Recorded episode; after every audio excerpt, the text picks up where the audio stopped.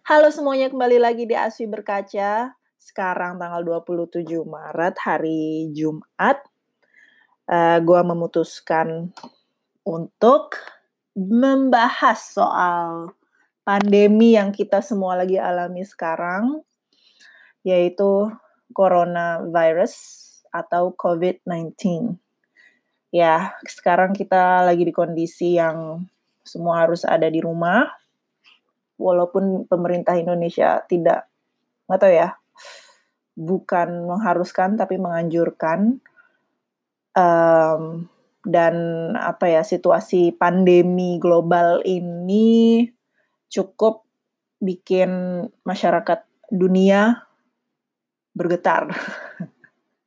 Bergetar bahasa Lofi jadi apa yang akan gue bahas? Gue akan bahas soal By the way, sekarang gue di karantina, self quarantine hari ke-13. Gue akan coba uh, kasih lo pandangan pribadi gue dan tapi sambil uh, gue kasih pandangan orang lain juga yang dari expertnya, uh, scientist-scientist, uh, viro virologis, lalu herd immunity atau mungkin contoh-contoh negara lain yang sudah uh, terkena dampaknya Lalu um, apa ya?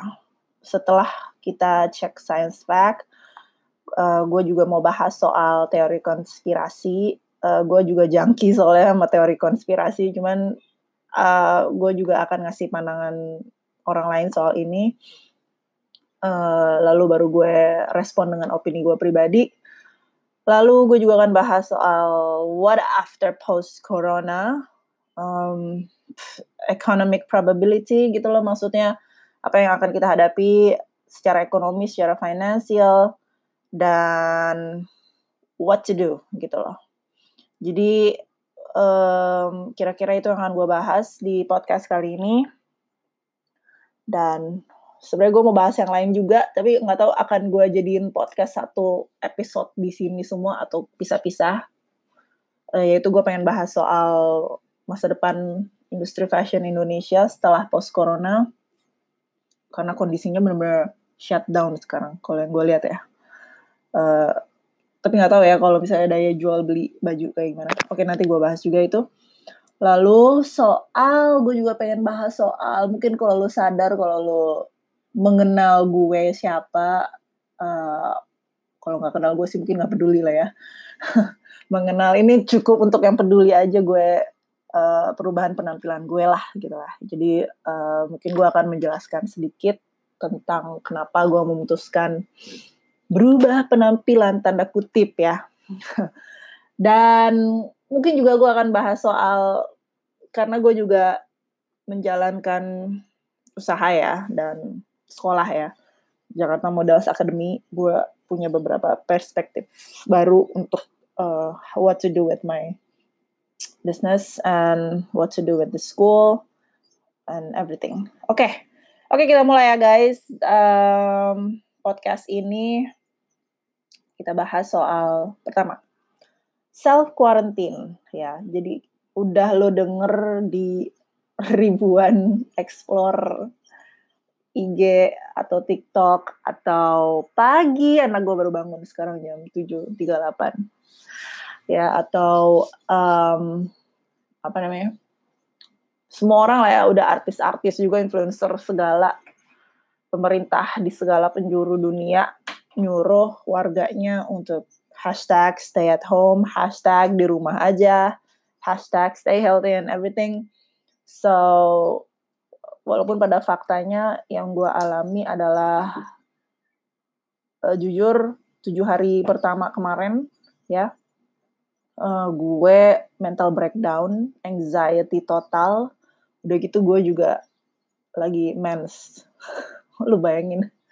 Wow, bebannya di kepala gue tuh kayak ini ada apa ini ada apa kayak it's really it's really tough dan gue yakin kayak nggak gue nggak sendiri yang ngerasa seperti itu gue yakin semua orang mengalami a bit of depression ya. Dan you know you have to cope with it. You have to fight those uh, anxiety feeling.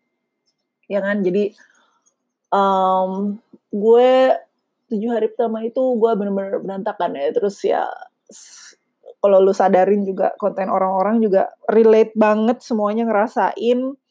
Dan semuanya ngebahas juga. And then they post uh, their experience um, terus uh, apa ya ada yang cerita gara-gara self quarantine jadi makan terus snacknya dibuka terus justru itu malah makin gue sih jujur kemarin tujuh hari pertama literally emang sama sih gue juga makan terus dan segala macam dan itu malah bikin badan gue insulin gue meningkat jadi gampang ngantuk apa gitu-gitu jadi gampang capek otak gue nggak bisa bekerja dengan bener gitu foggy foggy brain fog. Terus uh, walaupun gue keto diet makanan gue tetap aja kalau misalnya lu frequent eating tetap aja bisa you know unhealthy gitu loh. Jadi apalagi ditambah stres ya nggak sih? Stres itu bener-bener bener-bener uh, apa ya faktor utama munculnya segala penyakit. Karena saat kita stres itu imun kita menurun drastis.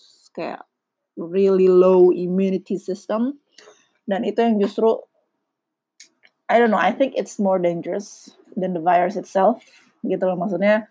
Jadi kita karena karena kita stres, jadi kita nggak bisa melawan virus apa pun, bahkan nggak nggak cuma corona atau you know sekedar uh, penyakit yang kita udah punya lama itu muncul lagi kayak gitu loh.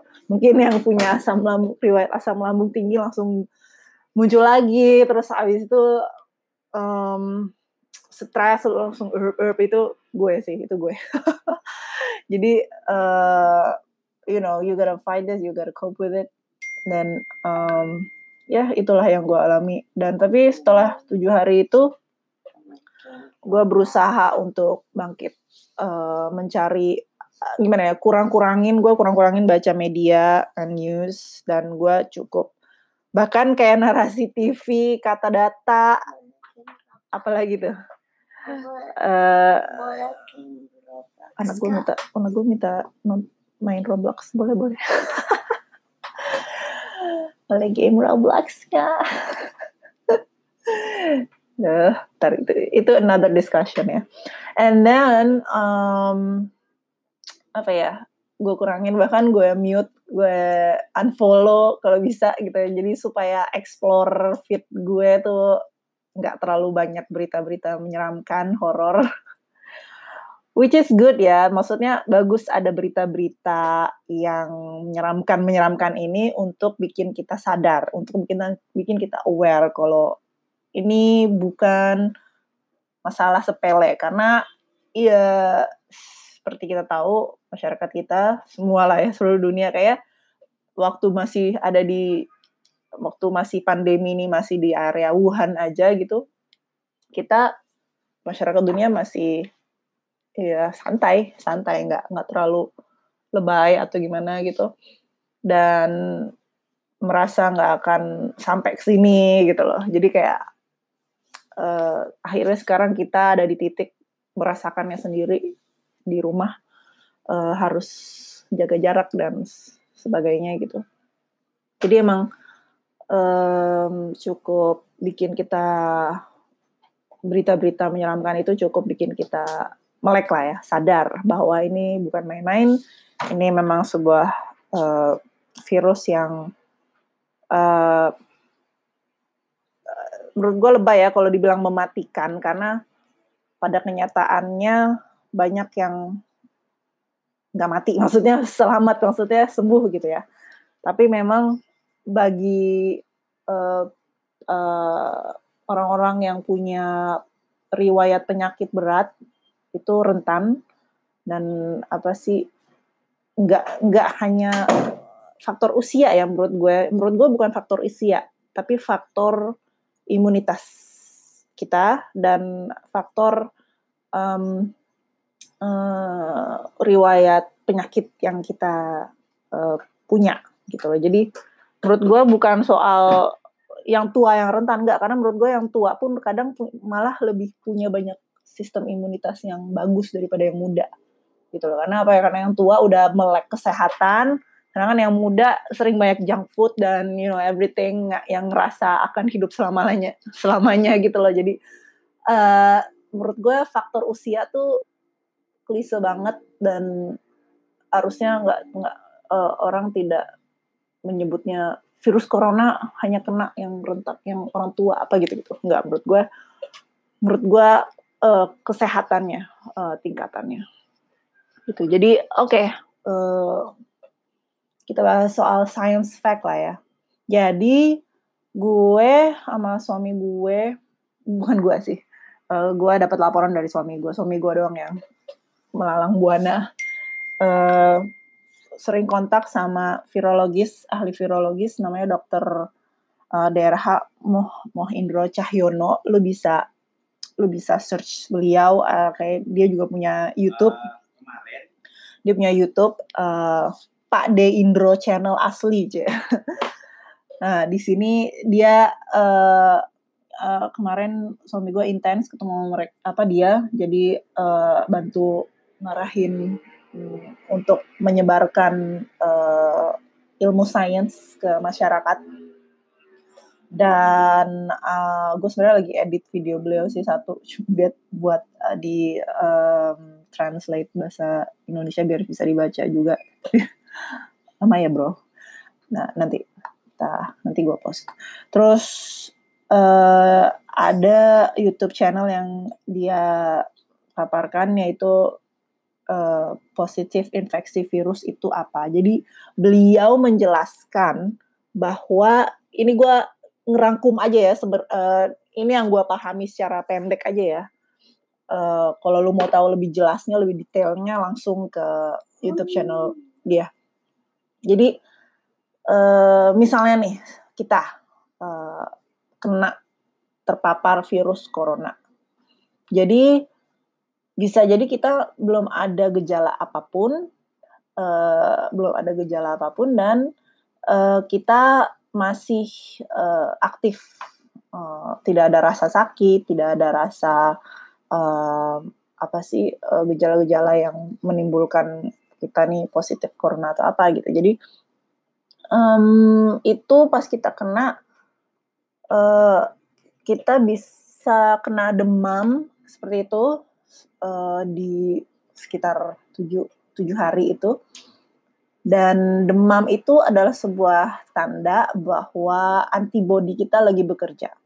Gitu. Jadi lo sering denger nggak istilah kalau anak-anak kecil dulu kalau dia demam, kalau dia apa gitu-gitu, itu mau besar tuh, mau besar gitu ya, walaupun bikin ibu-ibu panik semua kalau anak demam ya.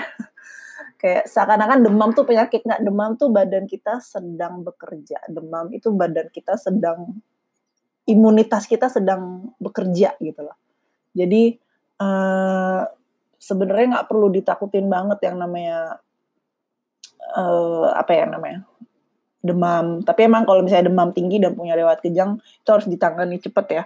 Karena kalau misalnya setinggi I don't know 40 derajat kali atau apa gitu uh, bisa kena uh, uh, uh, tubuh kita secara langsung fungsinya uh, bisa drop gitu. Terus uh, setelah itu demam itu akan turun, demam itu akan turun. Mungkin demam itu di uh, berbarengan dengan gejala-gejala lain yaitu batuk ringan atau batuk kering atau mungkin pusing atau dan lain-lain gitu. Jadi mungkin nih itu adalah positif corona gitu ya. Tapi setelah itu eh, kalau kita bisa melalui itu tanpa ada tahapan tinggi setelah maksudnya tahapan setelah demam ya. Itu bisa menurun, menyembuh sendiri. Artinya apa? Artinya antibodi kita berhasil melawan virus itu dan badan kita menjadi imun akan virus itu. Jadi kalau menurut dokter Mohindo Cahyono ini ada yang namanya uh, cell memory. Jadi badan kita mengenal antibodi itu melawan virus ini uh, udah tahu oh ini namanya virus ya kan udah ada brandingnya ya COVID nih. Jadi badan kita udah mengenal. Jadi saat kita kena lagi virus itu uh, hanya dalam waktu 24 jam itu antibodi bekerja dengan tuntas gitu loh. Jadi nggak sampai berhari-hari gitu. Jadi uh, makanya ada aturan harus 14 hari self quarantine seperti itu. Jadi karena emang uh, istilahnya virus tuh di dunia ini banyak banget ribuan. Bahkan kalau lu gue juga uh, belajar dari Dr. Eric Berg, ada juga di YouTube. Uh, di dalam usus kita tuh ada ribuan bakteri dan virus sebenarnya gitu loh. Cuman kita badan kita sudah resistant, udah udah uh, punya sistem yang virus itu udah punya sel memori yang membuat itu tidak rentan lagi untuk tubuh kita gitu loh. Jadi ini virus yang baru dibikin sama siapa? Nah nanti gue bahas. itu ada bahasannya lagi itu soal teori konspirasi. Jadi ini virus yang baru, istilah virus ini punya kayak punya cangkangnya atau uh, kayak punya you know uh, istilahnya kalau telur virusnya tuh si telur si si kulit telurnya nih ada yang uh, namanya uh, apa ya? Gue lupa istilahnya. Istilah istilahnya cangkangnya inilah yang bikin virus ini gampang disebarkan ke orang lain gitu loh.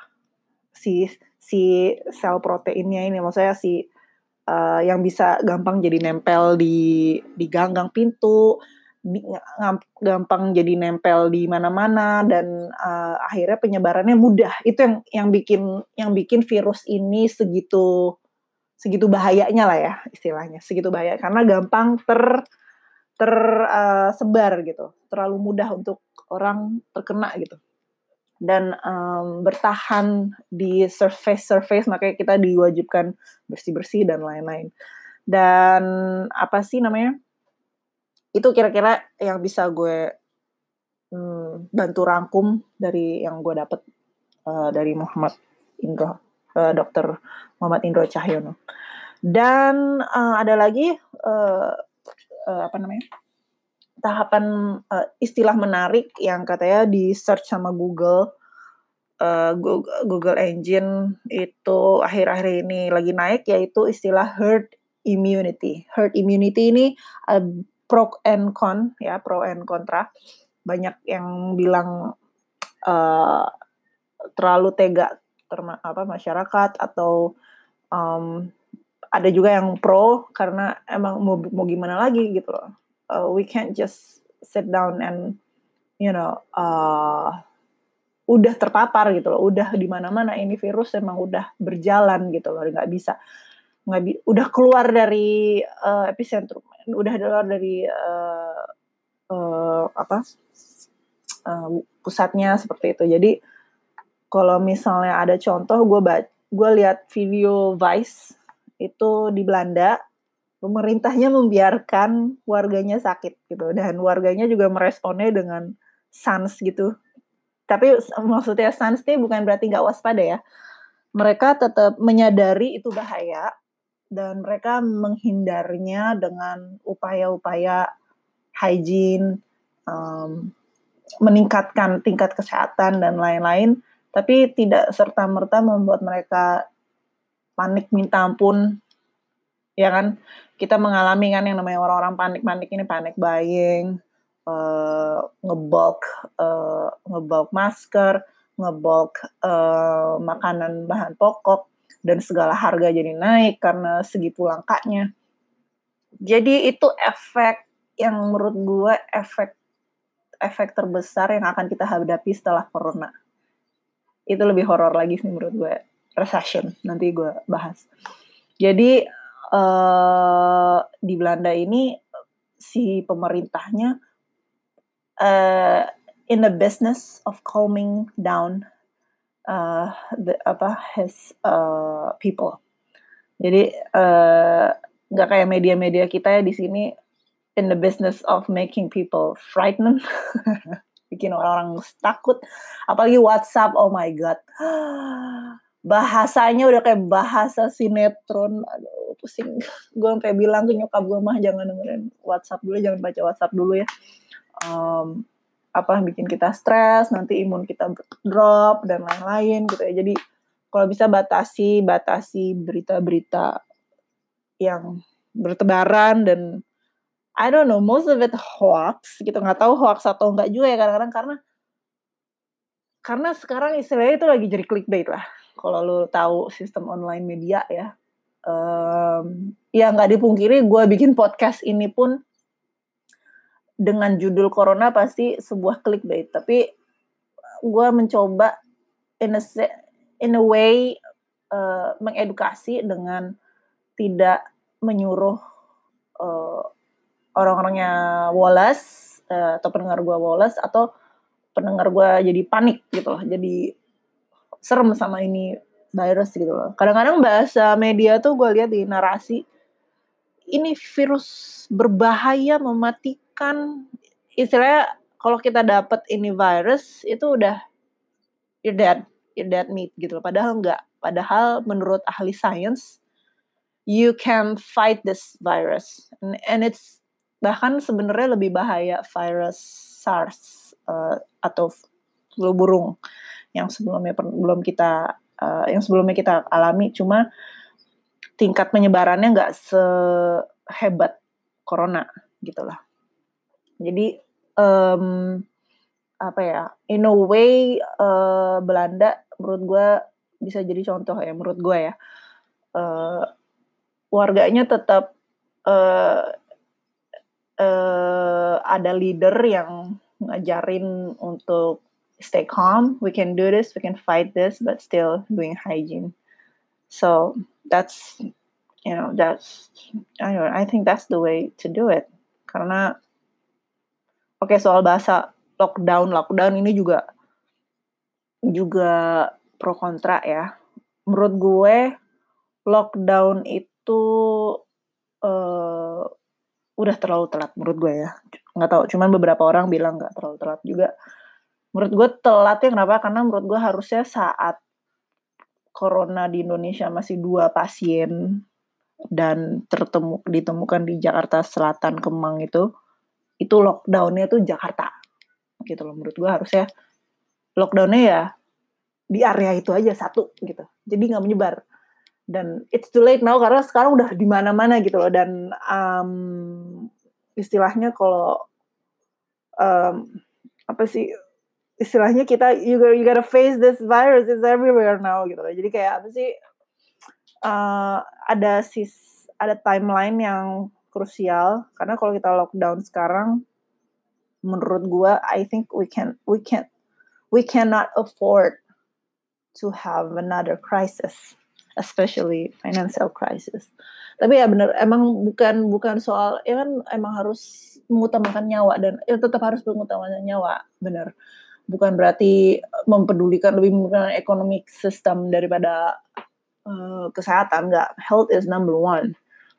But we still have to face face the fact that it might come to us in a bigger portion in a way, right? So, jadi uh, punya fokus di bidang masing-masing di tahapan masing-masing. But if you're in a state of calming yourself down so yeah don't talk about financial and everything. Talk about your mental health talk about your uh, immunity system and everything talk about how to get away from this gitu. Cuman kalau udah ke systemic political system I think it's it's harus dibahas bersama harus duduk bersama dan harus para pakarnya juga yang duduk gitu. Jadi um, muncul juga uh, pencarian isu soal uh, recession gitu loh. Jadi um, kalau lu baca-baca ini gue baca ya sedikit. Oh. Coronavirus recession may be worse than financial crisis. Uh, kata apa sih ini berita? New York Post. Terus gue juga keep in touch uh, sama finance finance expert. Uh, mereka juga deg-degan dengan what comes next after coronavirus pandemic it could strike a bigger blow to the global economy than the financial crisis did a decade ago the internet IMF warned. Gitu loh. Jadi uh, I don't know in a bigger if you're apa kalau misalnya lu udah melewati tahap ketakutan corona ada ketakutan berikutnya nih yaitu financial crisis. Orang-orang nggak tahu ini kapan ini kapan berhenti uh, bagaimana cara you know survive karena mungkin income-nya udah nggak dateng. Terus habis itu apalagi ini ya kalau gue terutama gue gue sendiri kena impact di fashion industry. Yang tadinya gue banyak dapat job-job uh, booking untuk fashion show gitu-gitu uh, event. Event kan kalau event obviously kan mengumpulkan banyak orang ya. Jadi mau nggak mau di cancel gitu loh jadi I don't know. I think we're going to talk about this fashion how to survive in fashion and everything after corona or present corona. Ya kan? Jadi um, karena kalau misalnya we can do business as we used to. And um, apa? Itu yang bikin orang-orang mulai mikir juga sekarang. Semoga gue punya update juga soal itu karena gue juga nggak terlalu menguasai perihal itu. Lalu ada lagi soal teori konspirasi. Ah ini juga rame ya teori konspirasi. Mungkin lo bukan ya itu juga pro kontra. Uh, ada orang yang uh, percaya kalau ini semua global conspiration and then they are the some apa ada elit politik yang emang memainkan ini semua untuk terjadi gitu. Kalau lo denger cerita-cerita if you're from um, Muslim community, we know about you know Dajjal and um, Zionists and um, Illuminati kayak nggak cuma di Muslim sih itu kayaknya udah global issue sih jadi uh, I don't know maybe maybe gue cuman gue cukup bacain postingannya Dina Sulaiman ya ini cukup cukup mewakili um, dia ngeposting di Facebook aktifnya di Facebook dengan 55 ribu uh, follower di Facebook page. COVID-19 uh, eh, dan teori konspirasi. Buat apa sih pentingnya membongkar siapa yang tanda kutip bikin virus? Bukankah yang penting sekarang mencari solusinya?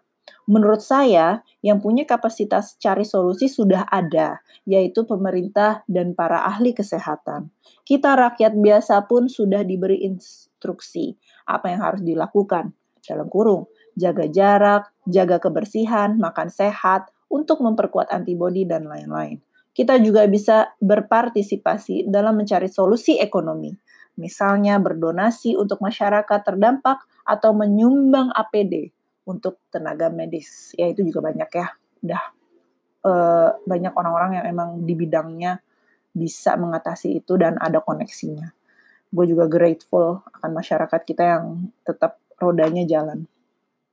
Tapi ada aspek-aspek lain yang juga penting dibahas. Misalnya, siapa yang terindikasi kuat memodifikasi virus ini? Apa dampak geopolitiknya? Apa dampak geoekonominya?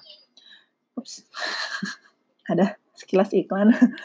Ini tidak perlu dinyinyirin. Setiap orang punya minat dan bidang kajian masing-masing. Dan bila kita membahas pertanyaan-pertanyaan itu dengan berbasis data dan argumen yang logis, itu bukanlah tanda kutip teori konspirasi yang sering diolok-olok itu.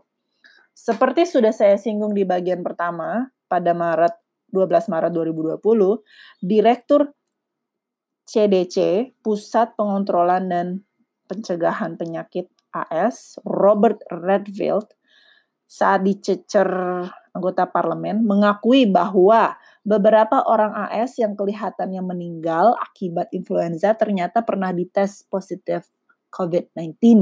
Jadi gitu guys, di Amerika tuh sudah pernah ada yang COVID-19 sebelum Cina, cuman belum di brandingin aja kali ya, belum dinamain. Tanda kutip COVID coronavirus.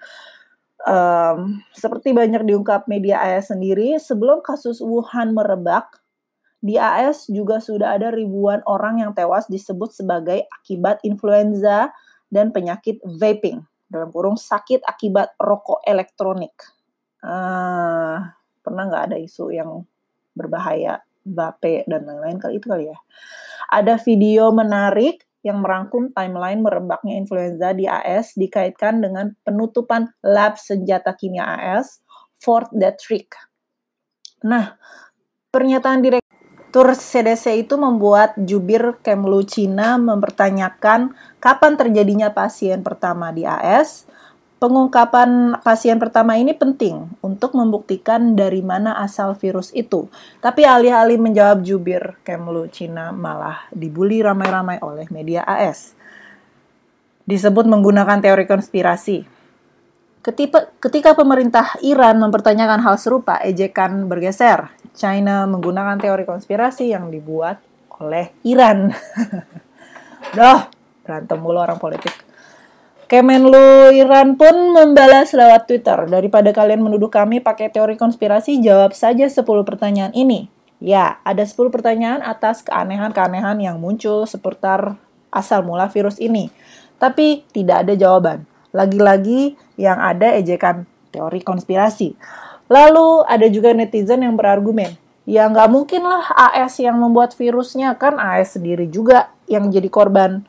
Apakah bila warga AS jadi korban artinya tidak mungkin pemerintah AS yang memodifikasi virusnya? Hmm, think about that. Nah, untuk menjawabnya ini saya kasih lihat film dokumenter. Um, sisanya lu bisa nonton, uh, bisa baca. Nanti gua kasih link gitu cuman intinya Lina Sulaiman menekankan uh, balik lagi apa sih gunanya kita tahu siapa yang memodifikasi virus corona ini atau minimalnya menaruh kewaspadaan didasarkan berbagai indikasi. Untuk pemerintah agar waspada, misalnya jangan asal terima tawaran-tawaran bantuan dari pihak yang terindikasi kuat memodifikasi virus ini. Apalagi biasanya tawaran seperti itu meminta kompensasi balas jasa yang besar untuk kita rakyat biasa juga agar waspada dan agar tidak mudah mempengaruhi oleh propaganda media. Kewaspadaan inilah yang dulu dilakukan oleh Menkes Siti Fadilah Supari Beliau mewaspadai mengapa ada lab yang dikelola militer AS dibiarkan beroperasi di Indonesia atau namanya Namru 2. Bahkan Bu Siti sebagai Menkes pun tidak boleh menginspeksi lab tersebut. Saat itu sedang merebak virus flu burung, akhirnya lab itu ditutup tahun 2009, 2009 yang didirikan tahun 1974. Tapi kabarnya sudah ada lab baru dengan nama baru. Tanpa kewaspadaan, tanpa mau menyelidiki apa yang terjadi di balik semua ini, kita akan bolak-balik jatuh ke lubang yang sama. Jadi itu yang um, apa sih uh, Dina Sulaiman tulis di Facebooknya, lu nanti cek sendiri. Jadi uh, beliau adalah uh, ahli uh, uh, apa sih namanya geopolitical analis, uh, penulis dan dokter degree of international relation. Jadi uh, apa sih menurut gue pandangan beliau itu cukup uh, valid menurut gue uh, jadi nggak sekedar you know teori konspirasi yang tanpa fakta yang you know cocokologi atau gitu enggak tapi benar-benar berdasarkan um, fakta yang memang uh, uh, apa sih uh, menurut gue bukan hoax gitu loh menurut gue nggak bisa serta-merta ini teori konspirasi. Menurut gue harus pelan-pelan kita membahas juga kalau ini fakta, kalau ini harus diselidiki, kalau ini harus dihadapi juga gitu loh. It's a difficult conversation, but you have to, you have to learn about this gitu loh. So what to do gitu loh guys. Jadi uh, kita uh, balik lagi apa dong yang mesti lakukan kondisi kayak gini, kondisi uh, mental health uh, I mean like kesehatan kondisi uh, virus corona quarantine kondisi uh, uh, apa sih uh, yang bikin memaksa kita harus you know stay at home self quarantine and everything. So satu pelajari pelajari virusnya supaya uh, apa sih kita memahami bagaimana cara melawannya ya dua kita mempelajari what's next, what is what, apa ancaman berikutnya ya. Jadi ini it's a domino effect menurut gue. Ini domino effect. Kita akan menghadapi financial crisis atau apa itu udah banyak yang bahas dan I don't know, I don't want to make you panic in a way um, but I think you have kalau lo udah punya mental health yang kuat dan bisa cukup meng um, digest informasi ini semua. So I think it's time that we sit down, duduk bareng-bareng untuk membahas ini gitu. And then um, so apa karena ya itu knowledge is power uh, pengetahuan adalah kekuatan dengan tanpa pengetahuan kita akan uh, apa di area kegelapan yang you know tadi depression balik lagi gitu jadi so this is what I do. Ya satu hygiene. Ya eh, kebersihan. Jadi lu bayangin ada sisi hikmahnya lah ya di balik musibah ini.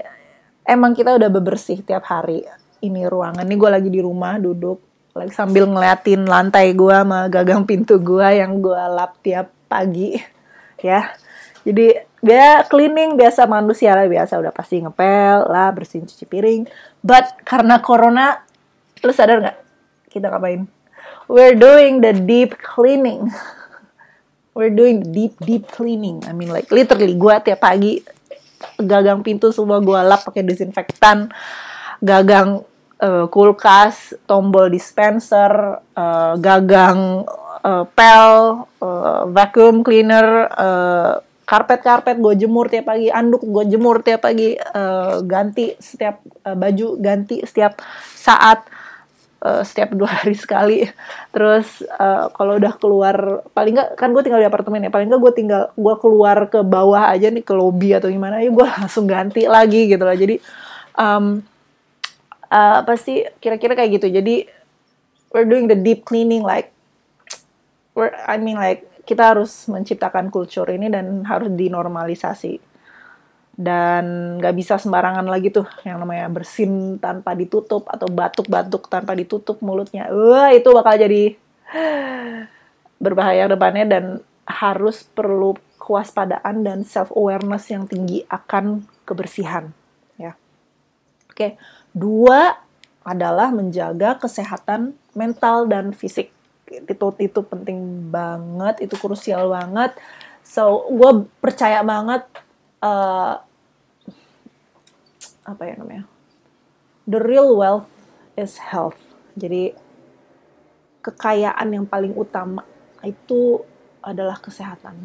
Jadi ya mungkin lo sebelum corona juga sadar bahwa kesehatan tuh sering jadi apa ya number sekian terakhir lah. Kayak kayak orang nggak udah nggak apa ya bukan ya nggak takut mati eh udah nggak peduli gitu loh. Kalau mati udah pasti ya manusia pasti mati. Cuman uh, kesehatan itu kan nikmat selama kita hidup gitu loh. Selama kita menjalani hidup ini. Kan nggak enak kita menjalani hidup ini dengan sakit gitu loh. Dengan dengan lemah dengan kekuatan otak yang nggak nggak jalan atau uh, tubuh yang gampang lelah kayak gitu. Jadi uh, what you eat is who you are. Jadi balik lagi ke kesehatan yang hakiki gitu loh. Nggak nggak percuma punya istilah gini ya material yang banyak atau yang mungkin pandangan orang itu memuaskan tapi nggak punya kesehatan yang uh, cukup gitu yang yang emang bisa bikin badan kita jalan gitu. Karena mau nggak mau badan jiwa dan raga ini adalah kendaraan kita di dunia ini. Dan siapa lagi yang bisa ngejaga selain kita sendiri? Orang lain nggak bisa. Pandemi ini membuat kita sadar bahwa orang lain nggak bisa bantu. Bahkan medical staff sendiri dokter itu kewalahan gitu loh. Bahkan keluarga kita sendiri harus kita jauhin uh, jaraknya. Jadi siapa lagi yang bisa self yang bisa bantu badan ini dan jiwa ini? Siapa lagi selain kita sendiri? Gitu. Jadi kesadaran akan itu, akan diri sendiri itu sepenting itu sekarang, sepenting itu. Jadi, uh, so ya balik lagi lu knowledge is power. Pelajari bagaimana menjaga kesehatan mental, kesehatan fisik. Banyak banget literasinya sekarang udah gratis semuanya di Google. So nggak ada yang namanya kata-kata gue nggak tahu ini gue nggak tahu itu. Nggak udah tinggal Google search tinggal belajar tinggal melek ilmu ya. Dan di sana memang banyak banget di luar sana maksudnya di World Wide Web. Memang banyak banget opsi-opsi tapi mau balik lagi pilihan di di tangan anda kalau gue memilih untuk menjalani keto diet gue udah dua tahun. Uh, dan menurut gue ini yang paling cocok sama lifestyle gue gitu. Dan gue belajarnya dari mana? Gue belajarnya dari Dr. Eric Berg di YouTube. Dan itu dia bener-bener dia ops anak gue. Stop dulu op, op, op, op. yang gue lakukan adalah um, maaf ya tadi pause sebentar yang gue lakukan untuk menjalani mental and physical health gue pribadi adalah gue puasa karena ternyata frequent eating membuat badan gue lemah banget dan jatuh ke insulin resistance, insulin gue meningkat kalau misalnya uh, kalau lo memahami keto diet cukup, uh, kita diet yang tanpa gula dan tanpa carbs, but high fat. So frequent eat, eating walaupun makannya high fat dan tanpa gula dan tanpa karbo, kalau misalnya makannya sering kayak literally setiap menit dan snacking terus, insulin tetap meningkat, tetap naik gitu. Jadi gue gue upayakan setelah gue usah uh, gue puasa malah jadi lebih badan gue jadi lebih aktif uh, imun gue meningkat dan antibody gue insya Allah juga bisa melawan pandemi inilah kalau misalnya Nauzubillah mizalik kalau misalnya emang kita terpapar tapi you know kan karena belum tes atau apa we don't know right but we have to have faith in it so ya yeah, number three nomor tiga apa distance kita sudah dilatih dan dianjurkan untuk menjaga jarak jadi uh, pentingnya kalau nggak ada urusan keluar rumah, jangan keluar rumah, stay at home as much as possible. Dan kalaupun keluar juga harus berjarak, you know, satu meter, satu setengah meter. Jadi jangan dekat-dekat. Dan bahkan uh, kita pernah ya di posisi pakai masker itu cukup yang nggak sakit aja. Tapi kayaknya kondisi sekarang karena kita nggak tahu kita eh cukup yang sakit aja. Karena sekarang ilmu kita soal virus sudah meningkat, menyadari bahwa walaupun kita nggak ngerasa sakit, kita bisa jadi yang nularin gitu. Jadi penting banget setiap keluar semua orang pakai masker. Dan karena kita banyak panic buying dan lain-lain, jadi nggak semua orang kebagian punya masker. Jadi that's crucial enough, but paling nggak keluar pak nggak usah pakai surgical masker. Kadang-kadang gue pakai gue pakai gue pakai inner rajut gue gue pakai buat nutup hidung dan uh, mulut. Kadang-kadang pakai kain aja bisa. Jadi find a way find a way. There is a way nggak harus pakai surgical mask. Ha, paling nggak tutup uh, mulut hidung. Karena uh, kalau nggak salah gue baca juga virus ini nggak harus you know lu harus uh, tutup dengan surgical mask cuman harus ada tahapannya ya jadi si uh, bahan itu atau kain itu yang lo pakai juga pas pulang-pulang juga harus lo jauhin dari area uh, tempat lain jadi harus segera dicuci atau segera ditutup di uh, area laundry. And then number four, nomor empat kita mesti ngapain? Inovasi, innovate. So um, kita di kondisi sekarang menurut gue industri fashion yang gue jalani ya. Kalau gue kan emang kerjaannya industri fashion yang gue sayangi komunitas fashion yang gue sayangi di Indonesia menurut gue pandangan gue kayak lagi shutdown ya seperti lo tahu IFW di cancel fashion show segala annual fashion show di cancel. Jadi yang tadinya gue punya ada masa depan income nih job income dan lain-lain tiba-tiba di cancel semua kan gimana? Luntang lantung bingungan gimana bu uh, cari duit cari uh, uh, apa sih roda ekonomi yang bisa berjalan dan sustain gitu kan. Gue juga business owner uh, Jakarta Models Academy. Uh, gue sebagai school principal akhirnya juga kita mesti cancel segala event apa segala rencana plans um, kelas-kelas uh, tapi ada kemungkinan nih gue coba ingin coba berinovasi dengan bikin kelas online doain aja kita lagi lagi coba cari cara supaya ini um, bisa dikerjakan. And then nomor lima apa? Menurut gue ini yang the beauty of this pandemic. Kita manusia gotong royong, gotong royong, saling kerjasama. Itu menurut gue indah banget untuk dilihat orang-orang saling bantu di bidangnya masing-masing, saling uh, terlepas dari nggak tahu apa niat di baliknya ya. Cuman yang gue lihat indah aja deh. Lo positif aja ngeliat orang udah bisa mulai gerak untuk saling bantu saling share edukasi saling saling apa ya uh, donasi apa saling um, memikirkan cara jalan keluarnya para uh, scientists even politicians not all them are bad. Not all them are bad. So we have to have faith in them too. Percaya juga bahwa mereka bisa ngelakuin bisa ngejalanin ini semua. Oke itu aja guys. Kira-kira uh, udah cukup pembahasan gue akhirnya podcast ini cuma soal corona dan covid-19 atau covid-19 gue nggak bisa bahas soal nanti bukan nggak bisa bahas.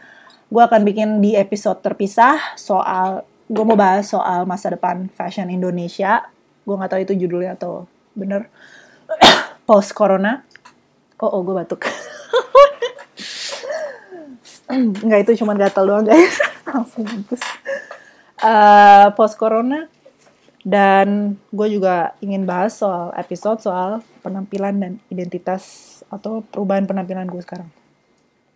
Oke guys, terima kasih semuanya. Sampai jumpa di next episode.